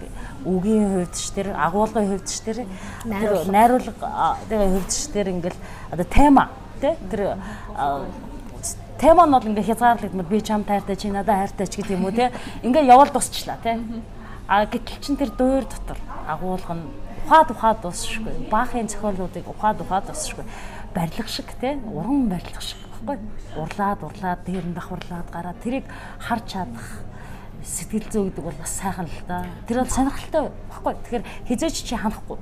Тийм учраас сонгодог хөгжимд хүн улаарад явах шалтгаан чинь бас байна тий. Тэнэж одоо яг хилээд аа тэр ханашгүй штэ хязгаар байхгүй ханашгүй тэгээд нэг ганцхан нэг төрлийн гоо сайхан биш үү тийм үү. Маш олон төрлийн гоо сайхныг маш олон өнцгөөс маш олон төрлийн өнгө будгаар ингээд холцсон. Тэгэхээр тэр дунд ч үнэхээр алмаарч шүү дээ. Үнэхээр алмаарч, төөрж, тэгээд тэрнийг зүгээр таньж мэдхэн л өөр асар их таашаал байгаа. Тэгэхээр тэндээс төдий хэмжээгээр таашаал авж байгаа учраас нөгөө тэр тэр дотор байгаад аймаар шүү дээ. Тийм одоо жишээлбэл та яг инглиштэй одоо сая би дахиад нэг юу асууя. Одоо хүүхдүүд нөгөө сонирхлоороо сурдаг шүү дээ. Тэнгүү зарим их эцэг эхчүүд нөгөө мэдхгүйгээсээ ч юм одоо мэдээлгүйгээсээ болоод байна. Яг одоо тайвширж ийн гэлдэг шүү дээ. Тэнгүүд яг төгөлдөр хуур хөгжим сурахтаа яг шууд ингээл тоглоор тайвширнаа л гэж бодож орж ирдэг байхгүй. Тэнгүүтээ юу гэж асууж байгаа нөхөр одоо манай хүүхэд жоохон сонирхолгүй байгаад байна тий. Хөгжмөндөр хөрөх жоохон дургүй байгаад байна. Тэнгүүд бид нэр бас тийм дуртай сурсан юм уу? Бид нэр энэ олон жилийн хугацаанд одоо багасаа шилэлтэй 6 настаас үнэхээр яг дуурлаа. Үнэхээр байнгын дуртай байгаад ерөөсөө дандаа л тайвшраал, дандаа л аз жаргалтай байгаад сонгодог хөгжмөр дандаа л жаргаад тийм процесс явагдаж ирсэн. Та тэрнээсээ хэлвэл тэр хүмүүс жоохон ойлголт өгвөл за энэ дээр яг учир дутагдaltaй байдаг. Бид нар хажуугаараа сонирхчдад бас хичээл зааж л байгаа шүү дээ, тийм ээ. Тэгэхээр ямар ч мэрэгжил, ямар ч мэрэгжилд хүн сурч явах процесс донд тэнд дандаа тасралтгүй дурлаж явна гэж байхгүй. Тэр дотор дисциплин заавал хэрэгтэй. Чи юу ч сурсан бай. Тэ? Тэгэхээр тэр тууштай байдал бол маш чухал.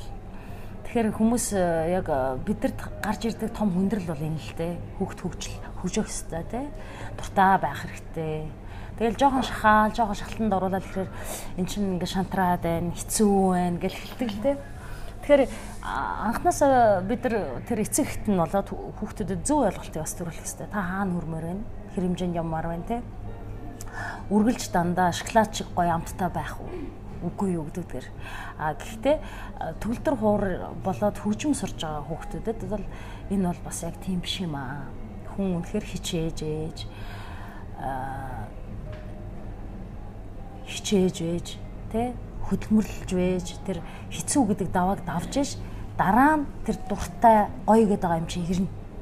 А тэрнээс биш энэ хөгжим сурах процесс гэдэг бол бас амаргүй процесс л доо тийм. Яагаад гэвэл нэг юм ажиллахгүй байгаа шүү дээ. Нилээ хэдийн юм нийлж ийж нэг юм төрөх гэдэг шүү. Тэгээд одоо жишээлбэл машин барихад хүртэл бид нар сургалтын суудагтай ялгаагүй шүү дээ. Юу яханд бол тэр навик тэр дадал зуршил чинь одоо ингээд бий болохын тулд нэг удаагийн ч юм уу нэг сарын ч юм уу хоёр сарын хугацаанд газ ингээд сурчдаг юм биш байхгүй тийм. Тэгэхээр тэр нөгөө урт хугацааны давтлага хичээл зүтгэл хөдөлмөрийн үр дүнд ийм болдгийм байна гэдгийг ерөнхийдөө бол бас хүмүүс ойлгоод авчих зүгээр болов яа тэгвэл сонирхож байгаа бол хэрвээ тийм ээ. Тийм учраас нөгөө байнгын давталт гэдэг тэгээд даа ялангуяа бага насны хүүхдүүдэд эцэг эхийн тусламж маш хэрэгтэй гэдэг. Тэгэхээр одоо энэ төгөлдөр хуурын сургалт бөгөөд ингээд хөгжим сурах процесс дотор яг дандаа гурвалсан үйл ажиллагааны үр дүнд хамтын хамтарч бүгдээрээ ажилласны үр дүнд бид нар нэг бас нэг жоохон сайн хүүхдүүдийг гаргаж ирэх боломжтой байдаг тийм. Ерөнхийдөө бол ямар ч юм сурахад тэгэл хүүхд нэг юм өөр амар дурлаат ч юм уу тийм байнга дуртай байгаа л яг хөө тийм хүүхдүүд байдаг. Гэхдээ ер нь бол нийтлэг шин чанар болвол тэгэж хүүхэд өөрөө дурлаад очиж суудаг юм болвол байдгүй шүү гэдгийг бас ойлгохгүй болол хүмүүс манай хүүхд жоохон дургүй байгаа даа тийм. Эсвэл өөрөө суухгүй байна гэх. Тэгээ яг хуу гаднаас нь хардаг л та бид нарыг одоо жишээ нь би маш олон тохиолдолд өөр дээр бас жишээ авч байна. Түлдэр хурч эмхтэй хөгжим тоглож чаддаг эмхтэй байна гэдэг бол ямар ч хүмүүсийн сонирхлыг татдаг. А гаднаас нь хараад ямар гоё юм бэ гэж хэлүүлдэг, хэлдэг. Хүүхдүүдэд бас хөгжим сургамаар санагддаг. Тэр хүмүүст одоо хандаж хэлэхэд юм бол та нарыг харахад амархан харагдаж байна тий гоё тоглоол. Энэ дотор бол олон жилийн тууштай хөдөлмөр туушгүйш байсан үе байна. Ядарч исэн ч үе байна. Бас ингэдэг те энэ процессыг давж жагаад ийм хэмжээнд төрдгөн шүү тий Тэгээ одоо хүмүүс ингээд ер нь эцэг эхчүүд хүүхдүүдэд их анхаарал хөгжмийн боловсрал олох хэрэгтэй гэж бодож байна. Гэхдээ энэ дээр бас өөртөө бас тодорхой хэмжээнд бас ойлголттой авах хэрэгтэй тий Хараал гоё байна. За тэгвэл манай хүүхд зарим хүмүүс ингэж асуудаг. Манай хүүхд нэг хэдэн сарын дотор нэг ийм хөгжим тоглож сурч уу Энийг одоо ингээд нэг 3 сар сурчвал болох уу гэдэг ч юм уу те. А энэ бол хязгааргүй те тасаршгүй үйл ажиллагаа. Ямар ч төвшин танаа хөлт очиж болно. Тэгээ бас хүүхдийн онцлогоос шалтгаалдаг шүү дээ. Зарим хүүхд бол удаан биеийн хариу ах зүйл нь бас ингээд удаан учраас тий одоо өөр хүүхдээс удаан сурах. Тий гэтэл тэр өөр хүүхдтэй адилхан 2 сарын дотор энэ дуг тоглоно гэж хэлэх хэцүү байхгүй жишээлбэл. Ажиллаж ижил юм гэдэг. Тий энэ дээр би нөгөө нэг одоо хоёр ялгаж ярмаар байна л да. Мэргэжлийн сурагчид жишээлбэл ингэ ирж штэ бид нар ч гэсэн сурч байхдаа уудаад те бүр ёо яаж шалгалтаа өгнө гэмээр үе байсан. Тэгэхээр одоо төрөний сэдвтэй бас холбоод ярихад нөгөө нэг мэрэгжлийн байгаагийн онцлог нь юу вэ гэхээр тэр бол тэр дуртай дургу асуудал биш байхгүй тийм байнга хийх хэрэгтэй болчихж байгаа байхгүй. Тий байнгын тэмцээ боловсрч явах хэрэгтэй. Тэгэхээр мэрэгжлийн сургуульд сурж байгаа хүүхдүүд бас энийг тодорхой хэмжээнд ойлгох хэрэгтэй тий дургуй ч юм уу шантрах үе гарна. Гэхдээ яг тухайн үед нь яах хэрэгтэй вэ гэдэг төлхөөрүүдийг бас олж сурах хэрэгтэй юм шиг. Яаж өөрийгөө мотивацч болох вэ тий Тэгэхээр гоё хөгжим сонсох ч байдаг юм уу тий Эсвэл өөр ингэж өөрхийг нь сэргээхээр мотивацч болох тийм өөр одоо ном унших ч байдаг юм уу сонирхолтой хүнтэй уулзах ч байдаг юм уу. Тэгэж ингэж өөрсдөө асаач сурах хэрэгтэй. Яг тэр чиглэлийнхаа дагуу тий чиглэлийнхаа дагуу өөрсдөө асааж сурах хэрэгтэй. Өөрсдөө тэр нэг байнга хөгжүүлнэ гэж хэлж штэ. Манай дээр яалтчгүй энэ дэр ингээд одоо яг уншиг гэсэн ч ном дутагдaltaа. Гэтэ одоо интернет хөгжсөн учраас одоо маш их материалуудыг англи хэл дээрээс авч болж байна те. Тэгэхээр тэр хөгжмийн зохиолчдын амьдрал бол жишээлбэл амар сонирхолтой байхгүй те. Бүр үнэхээр сонирхолтой. Тэгэхээр тэд ингээд гүн рүү н ороод байж байгаа. Тэгэхээр тэндээс ингээд санаа ургадж хүнд өөрт нь бас бүтээлч чанар суух хэрэгтэй энүүгээр дамжуулаад те.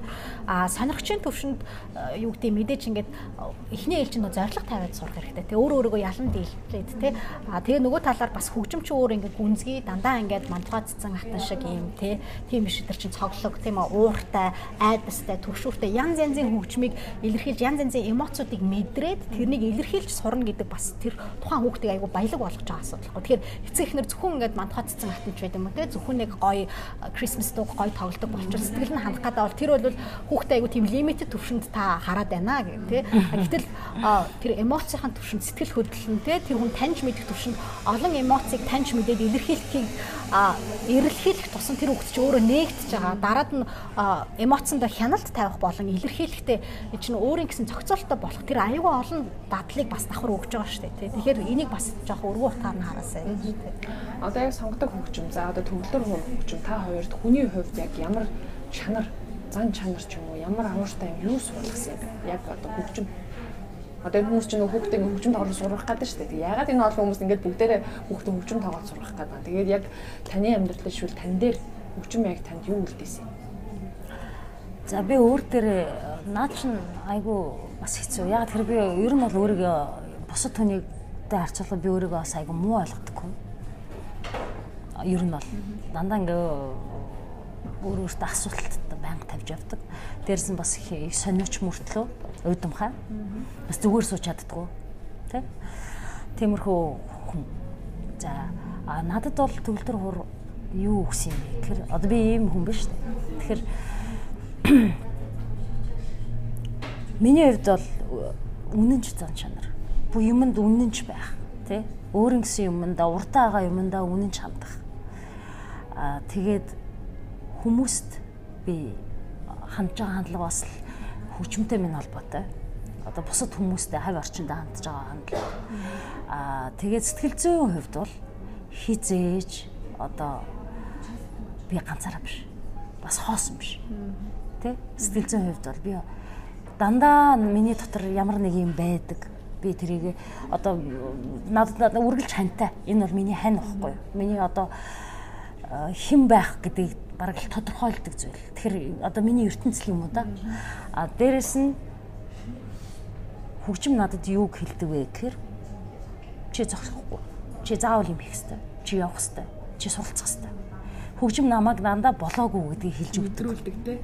Тэг би болоогүй шүү. Чи болоогүй шүү. Чи өшөө байн чи ерөөсө зогс бити зогс те яг хөө мэдээж хувь хүний хөгжил төлөвшөлт нь бол маш их олон байгаа штэ. Ядаж ингээд тууштай байх, сууж сурах, нэг юмыг нухаж сурах, гүнзгий хандаж сурах, детальны хэсэгчилж ажиллаж сурах ч байт юм уу. Тэгэхээр одоо манай сургуулаас гарсан өөр жишээлбэл зөндөө бол найз нөхдүүд байж штэ бидний үед аюух гардаг гэсэн. Тэгээд тэднийг ингээд амжилттай явж байгааг нь харж байна. Янз бүрийн салбарт тийм үү. Тэгээд тэд нар чинь ерөнхийдөө хөгжим ямар их тэр хүмүүсийн бодож сэтгэх болон тууштай төвчээртэй байх байдалд нөлөөлсөн нь харагдаж байна гэж би боддог байхгүй. Зарим хүн бүр яахлаараа ингээд энэ танаа сургуульд байсан гэсэн тэгээд бүр хэвээ ерөөсөө нэг ядрахгүй маа ингээд цуцахгүй муцахгүй гэж жишээлбэл ачаалалтаагаа сурцсан байхгүй тийм дандаа ачаалалтаагаа сурцсан.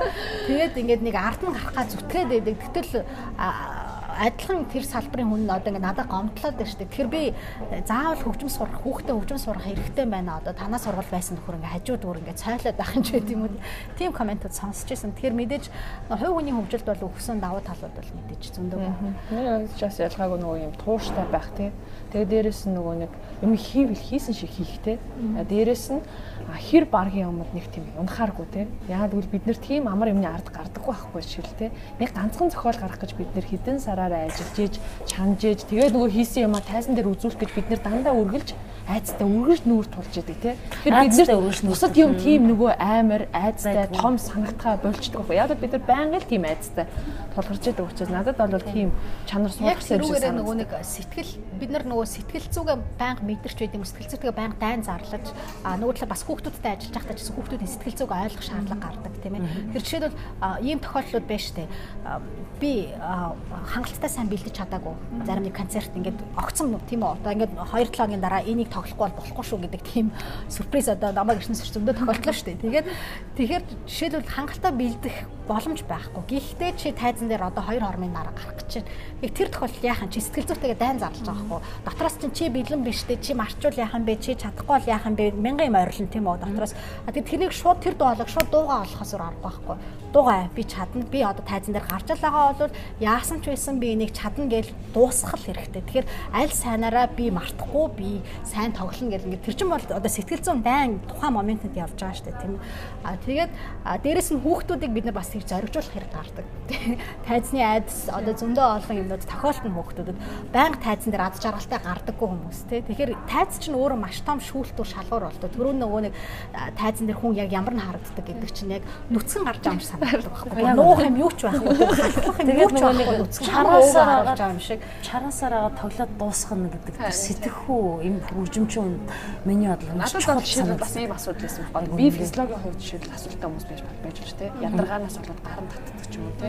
Эсвэл айд сандралаас болоод шууд гарын татаад одоо миний хол жишээл зөндөө тэгдэг байсан. Одоо яг контрол сүүл рүүгээ нэг контролдод сураа тэ. За энэ дээр ажиллах хэрэгтэй юм байна. Сэтгэл зүгээс сайн бэлдэх хэрэгтэй юм байна. Тийм нөхцөлд бол тийм гараад тэгээд тоглоод дуусгадаг л байхгүй. Дуусгах болохоор сонголт байхгүй гарцсан. Одоо тэг ямар сонголт байхгүй тий. Тэгэхээр чин тийм тийм юмнуудаа зөндөө нүүр тулна гэдэг бол бусад юм бол тийм олон хүний өмнө яг ингээл ганцаараа сууж байгаа л тийм байдалд орж шүү дээ. Араас нь тэр тайзны шүүлтүр байгаа шүү дээ. Тэр тайзан дээр хамт гараагүй тэр үзэгчд сууж байгаа нөхдүүд бол сайхан шүүгээл өнгөрөн шүү дээ. Өө өстөө ингээд тэгээд инээд тэрэ. Тэгэхээр тэр дараад нь тэр шүүлтүрийн үгс тийм үү тэднийг ялгаж салгах тэднэрээс нөгөө нэг тэр живэд өгчихгүй байх шиг гэдэг юм уу те.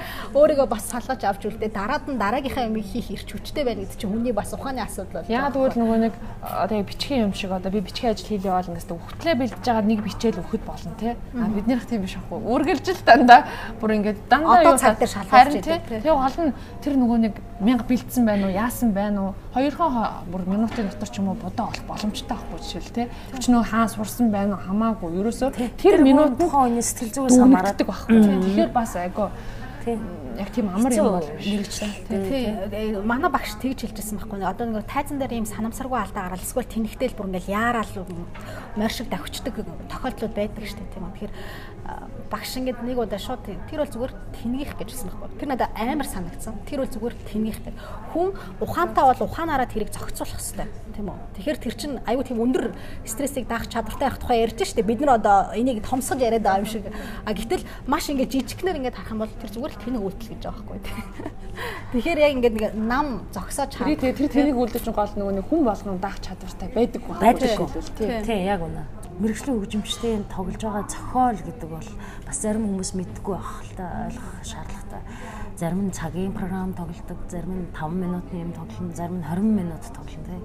Энэ болгоны чинь тэр олон деталуудыг, тэр олон нарийн мэдрэмжүүдийг, тэр ур чадваруудыг, тэр техникийн өгдлүүдийг яг тэ маш олон цагийн давталтаар тэг өөрийнх нь боловсрал бүх юм нэгдэжээж тэр нэг удаа тайзан дээр гарч ирж байгаа шүү дээ.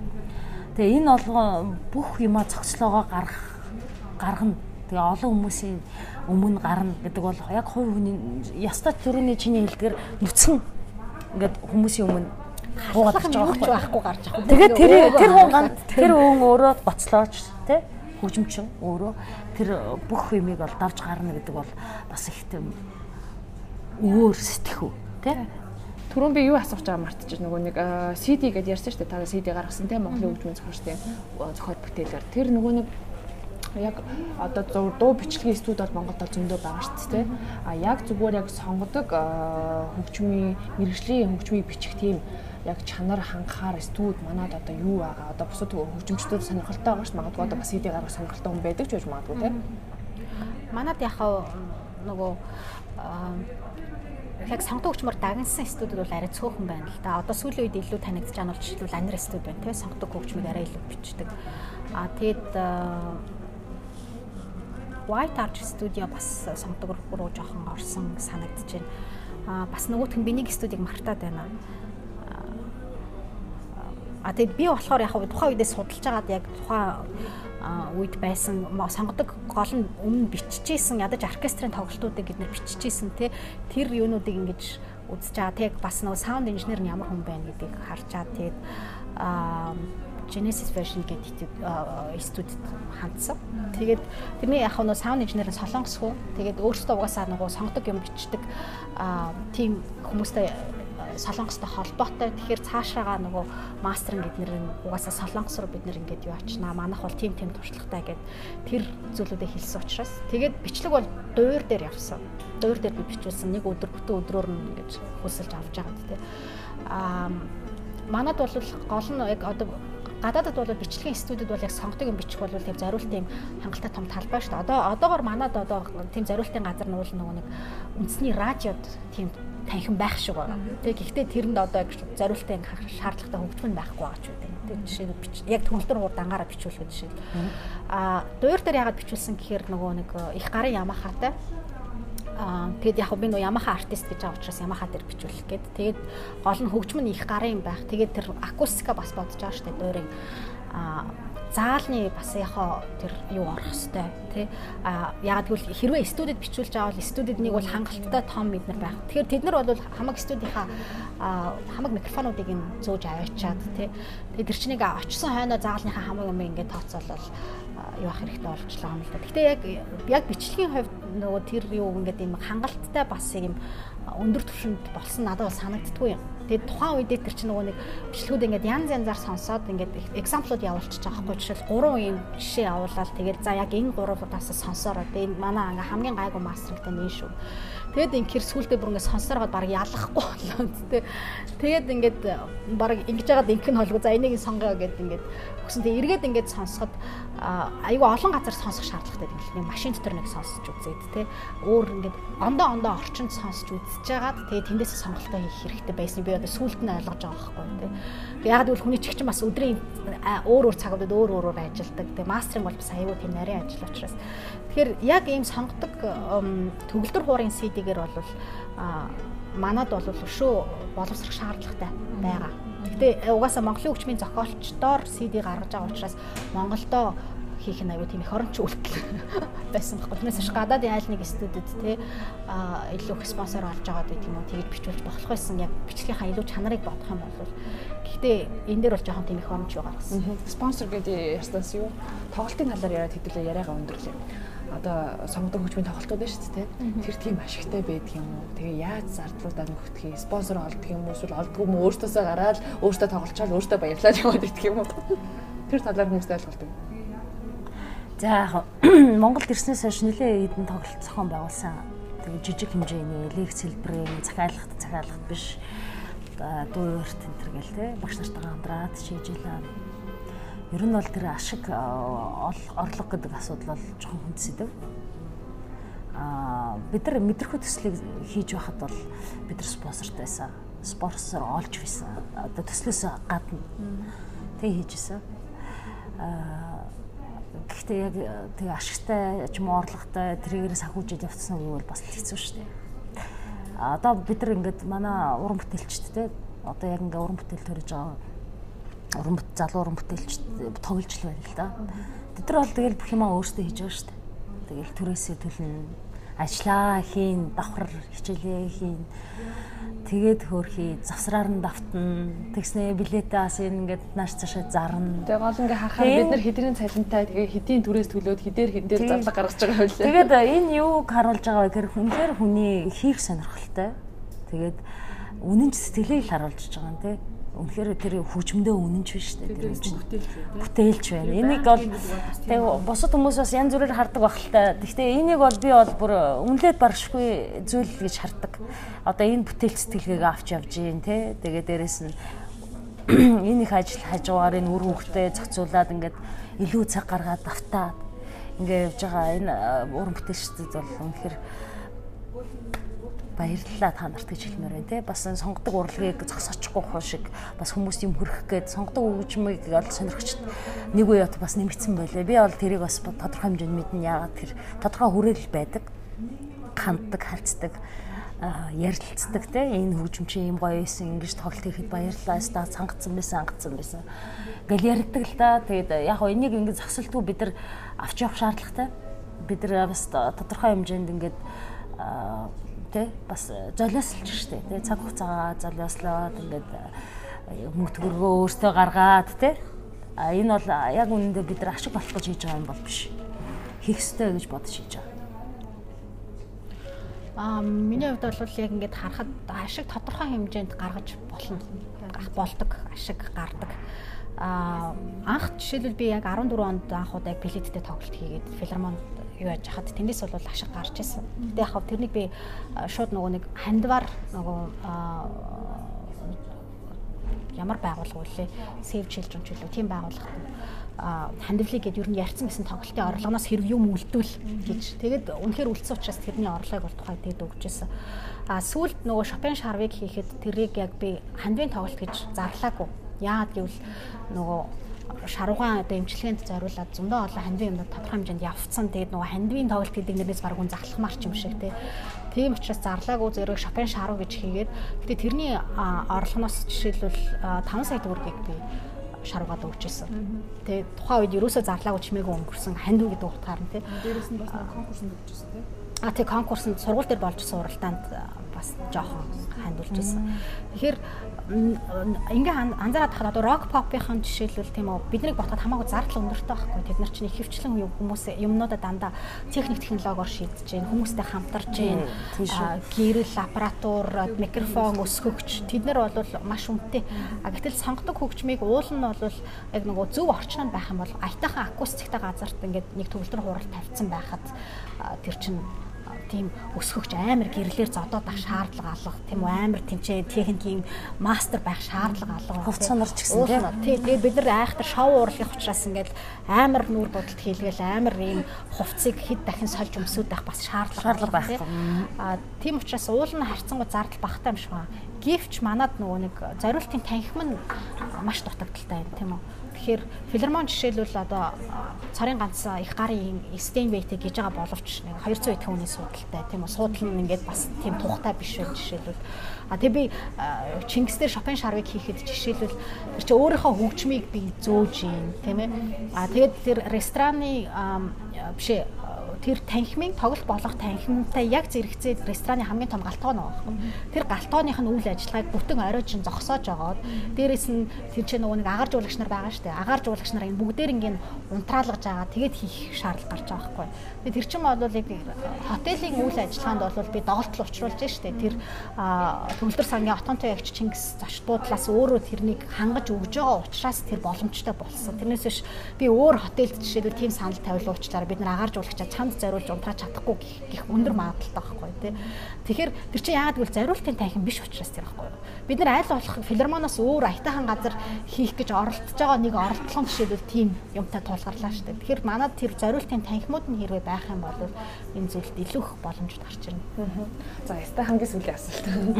Одоо э, залуу багш нар маань одоо гадаадд сурах гэсэн багш нар нийлээд ингээд академи байгуулна гэдэг тий. Хөгжлийн хөгжмийн холбооны дэгдэх ингээд академи байгуулна гэдэг зар тавьсан байсан. Энэ академийн талаар цааш тийм зорилго нь юу юм?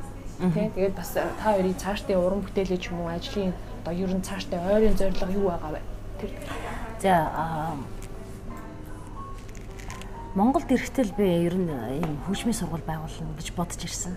Тэгээ яг осголын тохироо нь одоо л бүрдэж байна. Тэгэд би өөрөө дахиад эхлээд Монгол Улсын консерваторийн зөвгөлийн хөгжмийн нэгдлийн эрхлэгчээр ажилладаг. Миний хамт олон бас одоо яг бид нар багаар маш сайхан ажилладаг гэж би бол хэлмээр бид нар өөр өөрсдөө уран мөгж дэмждэг, хамтарч тоглолдог, ажиллаа ярилцаж хийдэг. Ингээд бид нар ингээд сайхан баг бүрдчихэд байгаа. Ингээд бид нар бүгдээрээ багаараа энэ академик байгуулад тэгээд үйл ажиллагаа эхлүүлэх гээд одоо яг бэлдээд байж байна. За Монголын мэрэгжлийн хөгжмийн холбоотой энэ академи бол салшгүй холбоотой. Энэ Монголын мэрэгжлийн хөгжмийн холбоо ямар учиртай юм бэ гэхээр мэрэгжлийн хөгжимчдийг таниулах, сурталчлах, нөгөөтэйгүр мэрэгжлийн боловсролыг дэмжих, урлагийн боловсролыг дэмжих гэсэн ийм салаа үйл ажиллагаатай, ерөнхийдөө тасралтгүй үйл ажиллагаатай явж байгаа. За ингээд манай баг хамт олон бол энэ төслүүд төслийн хүрээнд бол хамтарч үйл ажиллагаа явуулжсэн. За одоо бидний энэ дараагийн төсөл бөгөөд дараагийн ингээд хийх ажил бол ингээд энэ академи байсан. За манай академи онцлог юу вэ гэх юм бол одоо чиний эснэр те гуравдагч орн олон одоо гадаадд сургууль соёл төгссөн бас чамгүй сайн боловсралтай Монголдо бас те ур чадвартай боловсралтай уран бүтээлчд багш нар бас ажлын туршлагатай багш нар нэгдээд энэ академиг байгуулсан явдал юм. За энэ академи бол зүгээр нэг хөгжмийн сургалтын төв бол биш. Энд бол системтэй хөтөлбөртэй боловсрал хөгжмийн боловсрал явагдах ийм үзэл бодлоор байгуулсан актив үйл ажиллагаа эхлүүлээд одоо ингээд шинэ байр руугаа бид нар ороод ингээд яг эхэлж байгаа. За тэгээд энэ академид бид нар мэрэгжлийн анги гэж нээгдэж байгаа. Аа тэгээд ихтэй сургууль сурах бэлтэж байгаа одоо юмыг аж битгүү гадаад сурна гэд төлөвлөө явж байгаа оюутан сурагчд байх юм бол тэднийг бас арай өөр хөтөлбөрөөр бэлдэх сонирхчдыг бас сургалтандаа хамруулах. Тэгээд тэдэрт бас төвшин төвшөнд нь сертификат олгох их мэтчлэн. Аа тэгээд бас олон улсын уралдаан зохион байгуулах тий төлдөргуур хийл виланчел гэсэн ангиуд дээр бид нар эсэлт авж байгаа. Тэгээд конкурс тий уралдаанууд зохион байгуулна, төсөл хөтөлбөрүүд хийн гэдэг. Ингээд бид нар өөрсдөө өөр хоорондоо уялдаа холбоотой тэгээд ажлууд хий гэж төлөвлөд үйл ажиллагаа эхлүүлж явж байна. Аа тэгээд миний зүгээс би хэлэхэд би бол энэ өөрийн баг хамт олондоо бол маш тийм ихтгэлтэй. Тэгээд ийм сайхан цаг үед энэ цаг үед энэ хамт олон бүрдээд ингээд хамтарч гар нийлүүлэн ажиллаж чаддагт би маш бахархаж баярлаж явдаг. Яг тэр бид нар ер нь бүх юмлог дайраад орчдөг. Мэдрэхүү концерт хийхэд ч орж исэн бид нар хамтдаа камерны хөгжмөөр бид нар концерт хийхэд ч сүмөрөө явж байгаа ингээл ерөөсөө хамт юу хийн бид нар бүгдээрээ дандаа ингээд оролцсон өндөртэй үзэл санаа нэгддэг ийм сайхан хамт олон байгаа. За ингээд ерөөхдөө гурлаа яриагаа дуусгая. Миний урилгыг авч хүлээ авч тэгээд цаг заваа зарцуулаа. Тэгээд хүмүүст ингээд хэрэгтэй мэдээлэл өгөөд чин сэтгэлээсээ ярилцсан та хоёртай баярлалаа. Цаашдынхан уран бүтээл, ажил, амьдралд нь хамгийн сайн сайхныг хүсье. За За баярлалаа.